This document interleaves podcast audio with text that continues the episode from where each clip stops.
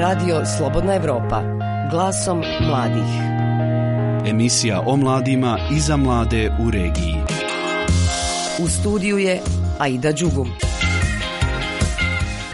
Srdačan pozdrav poštovani slušatelji. Dobrodošli u emisiju Glasom mladih koja se bavi problemima, ali i uspješnim primjerima i pričama mladih ljudi iz cijelog regiona. Čućemo njihova mišljenja o različitim temama, jer naš cilj je da govorimo vašim glasom. Glasom mladih. Glasom mladih. U ovo sedmičnoj emisiji Glasom mladih bavimo se fenomenom navijačkih skupina i njihovim neadekvatnim ponašanjem ili bolje reći divljanjem na utakmicama.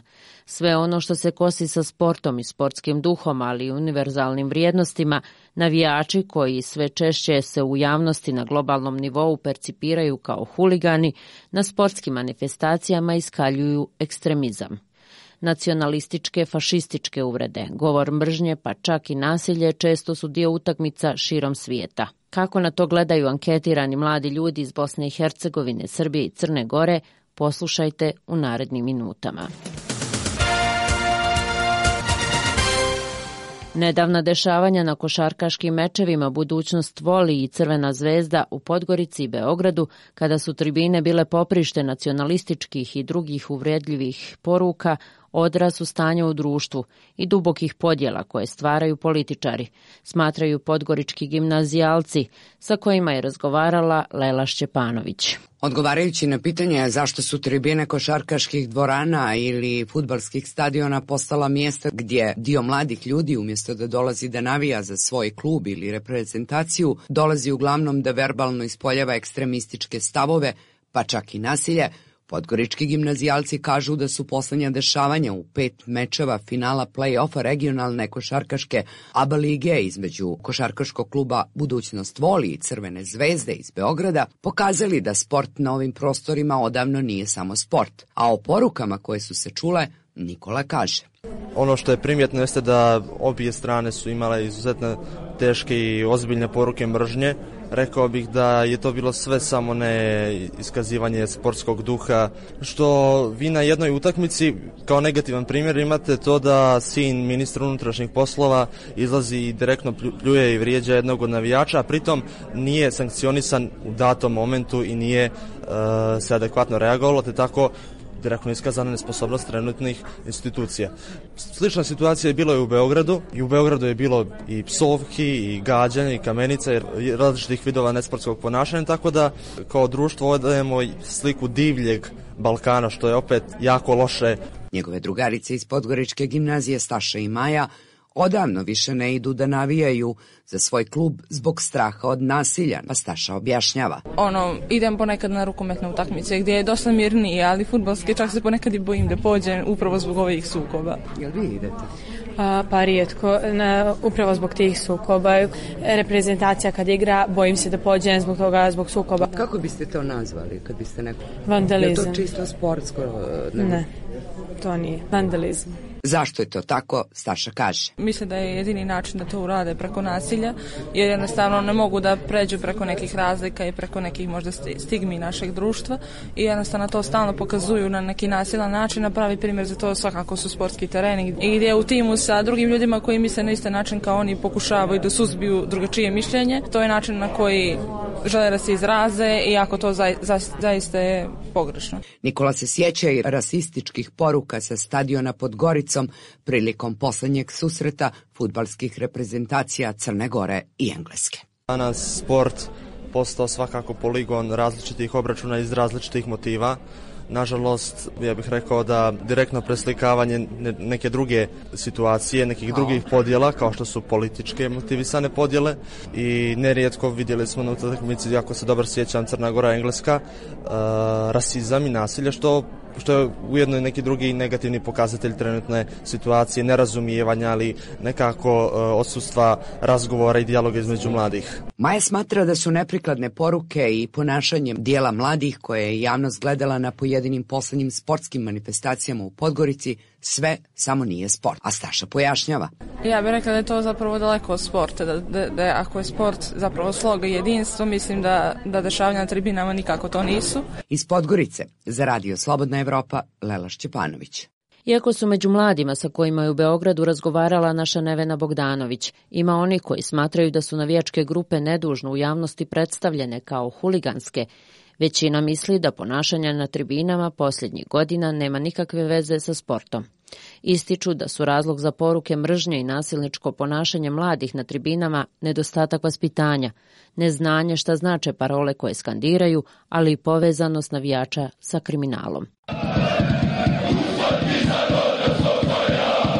Beograđanin Miloš Bulatović kaže da navija za Partizan, ali ističe na utakmice ne ide. Smatram da je atmosfera previše pa da kažemo divlja. Gledamo slike, to svaki derbi uvek ne može prođe bez paljenja, bez tuča, da ne ulazi intervent. Na... On smatra da je ponašanje na tribinama odavno prestalo da ima veze sa sportom. Pogrešno je jednostavno, to je sport, me, politici nema, nema mesto u sportu, to je ono što mi dalje treba da naučimo, ali to je teško zato što pa valjda svi znamo koliko je kriminal povezan sa srpskim futbolom, a tek uh, sa navijačima. Miloševo mišljenje ne deli Saša. U navijanju svog tima kaže ne vidi ništa pogrešno. Od uvek sam to volao, Ćale mi je bio navijač, tako da... Dodaje da su prema njegovom mišljenju navijačke grupe često pogrešno predstavljene u javnosti. Zato što, ne znam sad ne ispadne da nešto prozivam, ali većini slučajeva policija je donekle i bezobrazna. Da situacija ipak nije nimalo naivna smatra Katarina Mihajlović.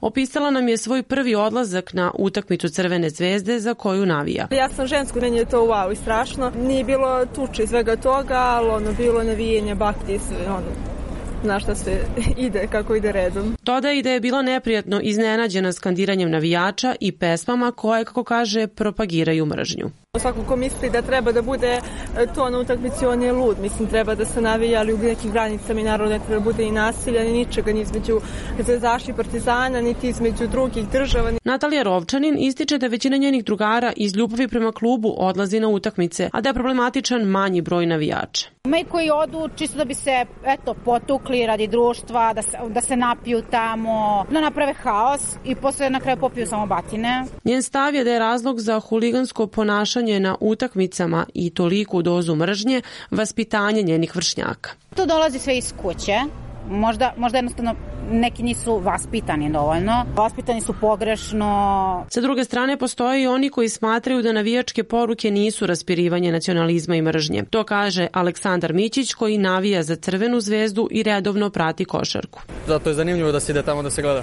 Baš zbog takve atmosfere. Da bude tako malo agresivnije, malo jače. A na pitanje kako to da po njegovom mišljenju nije bilo širenja mržnje na finalnoj košarkaškoj utakmici između Crvene zvezde i budućnosti, Aleksandar odgovara. To i treba da im se priča, što da im se ne priča.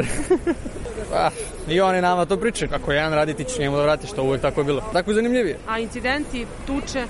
Pa i to mora. Ljudi nema šta da rade, malo da dede istere negativnu energiju, idu tamo, pobiju se malo s policijom, malo između sebe, malo sa drugim navijačima i tako. Vasilisa Petrović pak ističe da je ponašanje na tribinama u stvari odraz duboko ukorenjenog nacionalizma među njenim vršnjacima. Pa ne znam, zato što realno Srbi su i svi ljudi su zatucani jako. Svi gledaju samo po nacionalnosti, po tim stvarima. Mislim da oni u stvari ne, ne shvataju ni težinu onoga što pričaju. Damjan Kecman navija za partizan, kako kaže, od malih nogu. Saglasan je sa mišljenjem da navijačke grupe svojim ponašanjem ne propagiraju ljubav prema klubovima, već u velikoj meri podrivaju tenzije među rivalima, kao i versku i međunacionalnu mržnju. Čitava utakmica se uglavnom nasvodi da se e, napravi neka glupost, neka tuča, ti ljudi koji idu na utakmice kao da uh, im više nije ni bitan rezultat na tom uh, meču, nego je bitno da se ne znam, razvije neka parola, da se nekome upute uvredljive reči. Kaže da na utakmice ne ide jer se ne osjeća bezbedno. Ne samo što se napetost i tenzija osjeća na tribinama, nego i na samom terenu, što je najveći problem. Sve to zajedno pomešano sa nekim interesima tih vođa klubova, pa da pogrešna slika u potpunosti. Za Radio Slobodna Evropa iz Beograda, Nevena Bogdanović. Naš Gojko Veselinović o ovoj temi razgovarao je sa aktivistima kluba Budi muško iz Banja Luke, koji okuplja mlade s ciljem borbe protiv vršnjačkog nasilja i stereotipa. Loša socijalno-ekonomska situacija u zemlji, nedostatak posla i perspektive izaziva veliko nezadovoljstvo kod mladih, a onda se to nezadovoljstvo ispoljava ekstremnim oblicima ponašanja u velikim grupama poput onih navijačkih, smatra Vanja Jošić, koordinator kluba Budi muško iz Banja Luke. I mislim da je to nekako indirektni efekat koji se odrazuje na to da mladi svoje nezadovoljstvo iskaljuju i ispoljavaju na takve načine koji su u veoma čestim slučajevima oblici eto devijantnih ponašanja, rizičnog ponašanja i koji eto eskaliraju. Nažalost vrlo često na, na sportskim događajima eskaliraju vidu nasilja. Sad da li je ovaj, to ispoljeno između rivalska dva kluba iz jednog dijela države i drugog, to je eto čisto samo nekako sticaj okolnosti koji je kod nas ovdje takav kakav jeste. Mladi uglavnom žele da se dokažu u društvu, da budu popularni da budu primijećeni, a jedan od načina da to postignu u određenim krugovima jeste i vandalsko ponašanje koji dolazi iz umišljenog osjećaja muškosti, smatra Branko Bujić, vršnjački edukator u institutu Perpetu Mobile. Da će njih neko na tribinama vidjeti, da će njih neko na tribinama primijetiti, da oni imaju jel, taj neki agresivni stav da on brane i svoju zemlju i svoj klub, da su on ti, ako pokažu jel, to neko vrijeđanje i protivničkog tima, protivničkih navijača, njihovog identiteta i to. Monika Kecman, vršnjački koordinator instituta Perpetu Mobile, mišljenja je da mladi prije svega traže osjećaj pripadnosti određenoj grupi, pa pod pritiskom okoline vršnjaka, ali i onih koje smatraju autoritetima, čine sve da se dokažu i poboljšaju svoj položaj u toj istoj grupi, često negativnim ponašanjem, koje je opšte prihvaćeno u takvim krugovima. I najviše ti neki stariji članovi e, pokazuju to neko nezadovoljstvo na takve načine i mladi e, nisu oformljeni da mogu razmišljati na sam svoj način o tome šta je dobro i šta nije i onda oni e, smatraju da na takav destruktivan način prave neku promjenu i pokušavaju na takav način da privuku pažnju i da načine tu neku promjenu, da li svojoj okolini, svojoj nekoj tom nekom naselju i ekipi u kojoj se nalaze. Jošić zaključuje da mlade, koji su tako reći kolateralna šteta nesređenog društva, rijetko ko usmjerava na pozitivne stvari i ističe da bi na tome mnogo više trebalo raditi ako se žele eliminisati ekstremno negativni oblici ponašanja. Nedovoljno je nekako svakodnevnih aktivnosti koji bi mladima odvukli pažnju kulturnih aktivnosti, van nastavnih aktivnosti u okviru škole. Mladima, pogotovo eto, osnovcima i srednjoškolcima je bitnije i važnije po mom mišljenju da izgrađuju drugarstva, prijateljstva, da budu jedni drugima uzori u sportskim aktivnostima, kulturnim, da se takmiče i nadmeću u tome ko je bolji čovjek, ko, ko će više kome pomoći. Za radio Slobodna Evropa iz Banja Luke, Gojko Veselinović. Problem huliganstva u bivšim državama Jugoslavije dovodi se u vezu sa političkim strukturama koje su na vlasti, pokazala je analiza huliganstva tokom Europskog futbalskog prvenstva Euro 2016. godine, koji je uradio Centar za društveno istraživanje Global Analitika iz Sarajeva. U nekim slučajevima, navedeno je u analizi, huliganske grupe su direktno učestvovale i u političkim obračunima i svrgavanju vlasti. O tome, ali i o posljedicama koje huliganstvo nosi za emisiju Glaso mladih govori Safet Mušić iz Centra za društvena istraživanja Global Analitika. Za razliku od tih nekih e, primjera huliganizma u Europi, e, u državama bivše Jugoslavije, e, huliganizam je često vezan za političke stranke ili neke organizacije koje su bile bliske političkim strankama.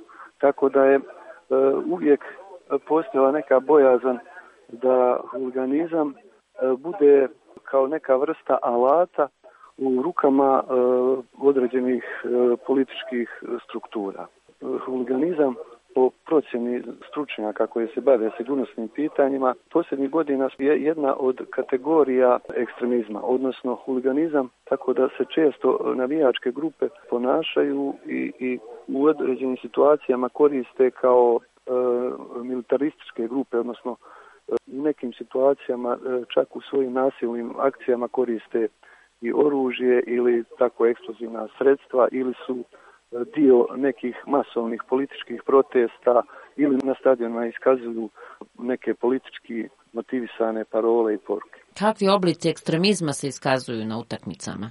Ako se radi o nekim domaćim unutar političkim pitanjima, onda su ti oblici uglavnom ispoljavaju u smislu isticanja određenih parola koje su protiv te neke druge političke opcije ili u, u slučaju Bosne i Hercegovine recimo kada huligani, odnosno ti kvazi navijači koriste sportske terene da bi istakli neke parole, primjera radi koje negiraju državu, koje negiraju određene narode, određene manjinske grupe i slično. I tako je slično stanje i u državama bivše Jugoslavije. Kakve su posljedice huliganstva? Sa na nekom mikronivou, evo u primjeru Mostara, gdje sam svjedok recimo određenim uh, huliganskim dešavanjima, uh, te posljedice se uglavnom gledaju u velikoj materijalnoj šteti koja se nanosi prema društvenoj imovini. Kada se sve to sabere, to su milionske štete i prije svega u tom nekom materijalnom smislu te štete su i mjerljive i mogu se nadoknaditi. Međutim, vrlo su opasne one štete koje se nanose u stvari među ljudskim odnosima ili, ili među nacionalnim odnosima i pogotovo što te navijačke grupe imaju svoju strukturu, svoju hjerarhiju i oni uh, upravo atakuju na mlade ljude. Vođe navijačkih grupa upravo idu na tu kartu uh, mladosti i onda pokušaju jednostavno da, da ih rekrutuju i od navijačkih grupa po strukturi prave male jedinice, možemo reći, u nekom vojnom smislu. Tako da su to neke posljedice koje sigurno mogu u budućnosti da se reflektuju i na, na i društvene i političke odnose kako u Bosni i Hercegovini, tako i drugim državama. Za emisiju Glasom mladi govorio je Safet Mušić iz Centra za društvena istraživanja Global Analitika. Radio Slobodna Evropa. Glasom mladih. Emisija o mladima i za mlade u regiji. Na dvjestotinjak pitanja mladi gradačica odgovarali su anketi, a podatke je Vijeće mladih tog bosansko-hercegovačkog grada predstavilo u analizi rezultata istraživanja položaja mladih na području gradačica. Ustanovljeno je da su problemi mladih u tom gradu isti sa kojima se suočavaju mladi iz drugih BH gradova. Detalje donosi Zoran Matkić. Istraživanje je obuhvatilo 369 mladih osoba iz urbanih i ruralnih sredina u općini Gradačac. Među ispitanicima je bio jednak omjer muškaraca i žena uzrasta od 15 do 30 godina. Katarina Vučković, Institut za razvoj mladih Kult, Sarajevo. Radili smo u periodu uh, januar-februar i nešto početkom, uh, početkom marta gdje smo mlade uh, pitali preko 200 različitih pitanja. Problemi mladih u gradaštvu su jednaki kao i u drugim dijelovima Bosne i Hercegovine. Mladi ljudi ne vjeruju u jel, procese donošenja odluka, nisu, je, veliki broj mladih ljudi nije zaposlen, smatraju da obrazovanje nije dovoljno adekvatno i jel, konkretni neki socijalni problemi, na primjer da mlade žene, skoro 60% mladih žena nije u prilici doprinijeti kućnom budžetu. Problemi koji muče mlade ljude u Gradačcu ne razlikuju se bitno od drugih sredina u Bosni i Hercegovini, naglašava Vučković. Kao i drugdje u Bosni i Hercegovini mladi ljudi uh, izbjegavaju odgovoriti na pitanja o seksualnom reproduktivnom zdravlju, prepoznaju međuvršnjačko nasilje kao jedan od najčešćih oblika uh, nasilja i sebe kao žrtvu u tom nasilju, ne vjeruju previše procesima donošenja odluka, niti uh, posebno vjeruju policijskim službenicima i nisu zapravo pretirano ni zadovoljni sportskim i kulturnim sadržajem ni u gradačcu. Ono što je anketa pokazala kao zabrinjavajuće, dodaje Katarina Vučković, je da je jedan veliki broj mladih ljudi u gradačstvu izjavljuje da želi napustiti Bosnu i Hercegovinu um, za uvijek, a jedan dio njih, uh, negdje 16% izjavilo da je već pokrenulo konkretne korake da bi otišlo iz zemlje. Učenica Gradačačke gimnazije Nerma Džaferović kaže da mladi u Gradačcu imaju slične probleme kao i mladi ljudi u drugim manjim sredinama. Mladi su veoma nezadovoljni uh, time kako provode svoje slobodno vrijeme u gradaštvu, smatraju da nemaju dovoljno prostora gdje bi mogli da provode svoje slobodno vrijeme, gdje bi mogli da se zabavljaju, stoga najviše mladi vrijeme provode u kladionicama i u barovima i kafićima, što je zapravo veliki problem. Pored toga mladi imaju, uh, mladi ne smatraju da mogu da utiču na odluke, na proces donošenja odluka u općini Gradačac. Nerma Džaferović trenutačno ne dijeli mišljenje velikog broja mladih o odlasku iz Bosne i Hercegovine. Pa, moje lično mišljenje je da bi svaka mlada osoba trebala da ostane u Bosni i Hercegovini, jer mislim da svaka mlada osoba ima priliku i da može da utiče na neke promjene. Naravno, mi sami ne možemo možda da napravimo neke velike promjene, ali ukoliko se više mladih osoba udruži, pozitivni primjeri su naravno nevladne organizacije gdje mladi pozitivno utiču na promjenu u Bosni i Hercegovini, radići neke velike projekte ili neke inicijative. Mislim da, da je to također veoma pozitivan primjer. Za Radio Slobodna Europa iz Gradašca, Zoran Matkić. U Bijeljini je osnovan Senat mladih Omote, koji ovoj populaciji pruža mogućnost da realizuje svoje ideje, da nesmetano koriste prostor za okupljanje i ravnopravno sa drugim organizacijama učestvuju na tenderima za projekte. Najveći uspjeh Senata ogleda se u tome što su ga osnovali upravo mladi. Priča Alješe Ljubojevića. Krajem 2016. godine grupa mladih iz Bijeljine, među kojima je Mladen Đurić, zaključila je da u ovom gradu ne postoji mjesto koje će okupljati mlade koji se bavi aktivizmom i volonterizmom. Naredne godine osnovali su Senat mladih Omote, koji danas ima oko 70 članova, kaže Đurić, član upravnog odbora Senata. Mi uglavnom imamo mlade koji su srednjoškolci. To je taj neki period kada su mladi najviše zainteresovani i za volonterizam i za aktivizam osnovci su tu negdje zainteresovani, ali imaju strah kako će da, da se uključe u grupu sa starijim kolegama. Jedan od uslova učlanjenja u Senat mladih jeste direktno članstvo u lokalnom volonterskom centru, tako da su ovi mladi ljudi uspjeli da za kratko vrijeme popune bazu potencijalnih volontera do njih 370, pa za svaku aktivnost u bilo kom momentu imaju najmanje 50 mladih koji će se odazvati. Mi zaista se trudimo da, da veliki broj njih učestvuje na velikom broju seminara, mi ih šaljemo na putovanja, mi organizujemo na kraju krajeva neke edukacije koje će kasnije njima pomoći da, da ostvare neka svoja interesovanja, a u velikoj mjeri će uticati na to da se oni usmjere u nekom svom daljem životu, školovanju ili slično. Mladen Đurić naglašava da je ponosan što su za kratko vrijeme uspjeli da ostvare saradnju sa osnovnim i srednjim školama, gdje adolescentima drže predavanja o nasilju, seksualnom i reproduktivnom zdravlju, rodu i polu i drugim temama.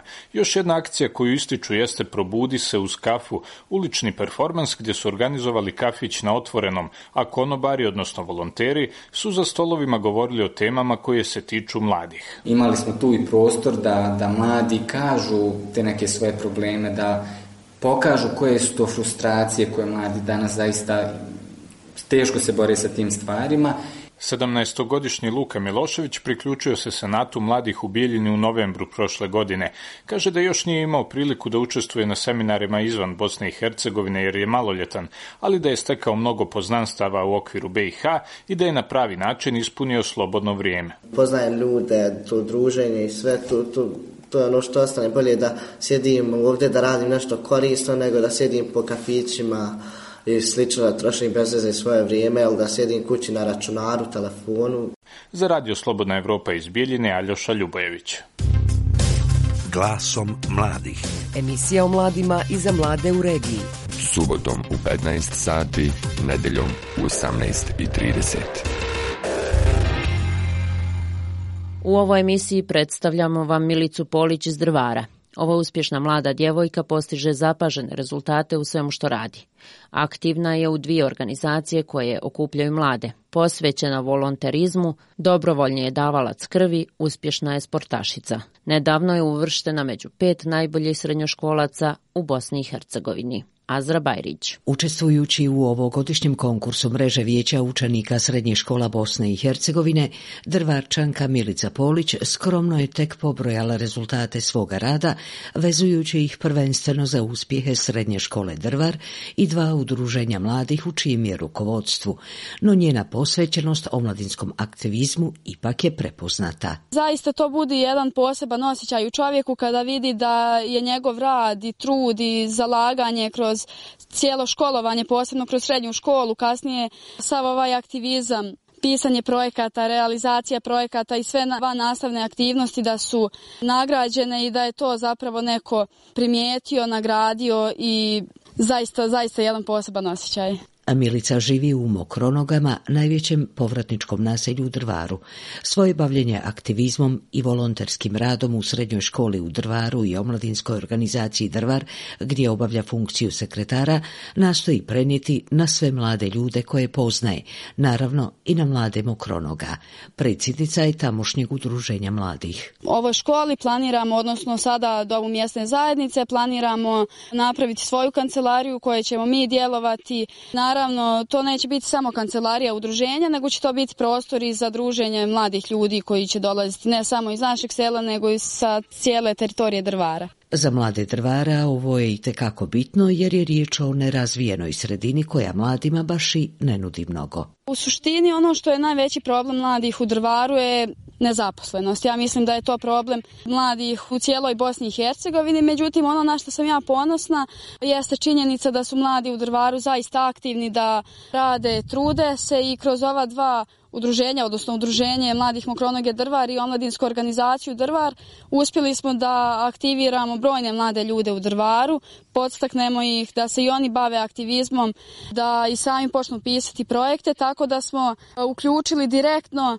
preko 80 mladih ljudi, a indirektno i preko 100 mladih ljudi. Uspješna je Milica i u sportu, posebno u futbalu. Ima ograničavajućih faktora za ovako svestrane mlade ljude koji žive u nerazvijenoj sredini, pa i razumljivo stoga što Milica u prvi plan stavlja preokupaciju da svojim zalaganjem i odgovornošću osigura uvjete za bolju i sretniju budućnost mladih drvara. Želim da pošaljem poruku svima da treba i dalje da se bave aktivizmom i oni koji su manje aktivni da se priključe, da zapravo na taj način mogu shvatiti da su oni nosioci promjena i da su oni ti koji mogu napraviti ovo mjesto boljim mjestom, mogu neku bolju budućnost stvoriti i bolju perspektivu. Za Radio Slobodna Evropa, Azar Bajrić. U Bosni i Hercegovini sve je više mladih i inovativnih ljudi koji svoje ideje i vizije pretvaraju u konkretna djela. Tako je Edin Selimović, student stomatologije iz Tuzle, napravio prvu API komoru, koju djece i građani s problemima disajnih organa koriste besplatno. Šta je API komora, Eldar Selimović pojasnio je našoj Maji Nikolić. 22-godišnji Eldar Selimović muku je mučio cijeli život sa zdravstvenim tegobama, a onda se prije nekoliko godina počeo baviti pčelarstvom i ti problemi su potpuno nestali. Ko iz nekog ličnog iskustva, ovaj, ja sam imao problema sa sinusima i onda smo, kod mene Amidža je bio pčelar, on je umro i mi smo nekako naslijedili te pčele i kako radim sa pčelama ti, ti problemi su, ajde da kažemo, potpuno nestali. Tako da smo ja i otac malo istraživali, većinom je to bilo Slovenija, Njemačka, Rusija, tako oni to već du, duži niz godina koriste, te smo došli na ideju da i mi otvorimo takvu jednu API komoru. Na naše pitanje što je konkretno API komora, Eldar nam je pojasnio. API inhalacija je suštini jedna grana apiterapije to je uh, udisanje znači zraka direktno iz košnice. Za tu api inhalaciju potrebna je znači jedna ovako komora. To je jedan objekat izgrađen isključivo od drveta u kome se nalazi, ajde kod nas su znači četiri mjesta, to su četiri košnice i četiri inhalatora. Uh, pčele normalno obnašaju svoju funkciju ulaze znači svana u košnicu, unutra ne mogu ući, znači vi ste izolirani unutra sa pčelama. Putem ovaj, te inhalacije vi unosite sve te pčelnije proizvode, med, polen, propolis, matičnu mliječ, vosak u vidu aerosola. Jedan tretman traje do sat vremena, a bilo je djece koja su se vraćala dnevno i dva puta kako bi se bolje osjećali. Roditelji i građani prema ovoj potpuno prirodnoj metodi liječenja zdravstvenih tegoba su oduševljeni. Dosta, dosta ljudi je došlo, probalo, svi su zadovoljni. Imamo također ovaj neki ljudi koji su malo teži, teži ovaj slučaj, mislim teža oboljenja i kažu da im je pomoglo.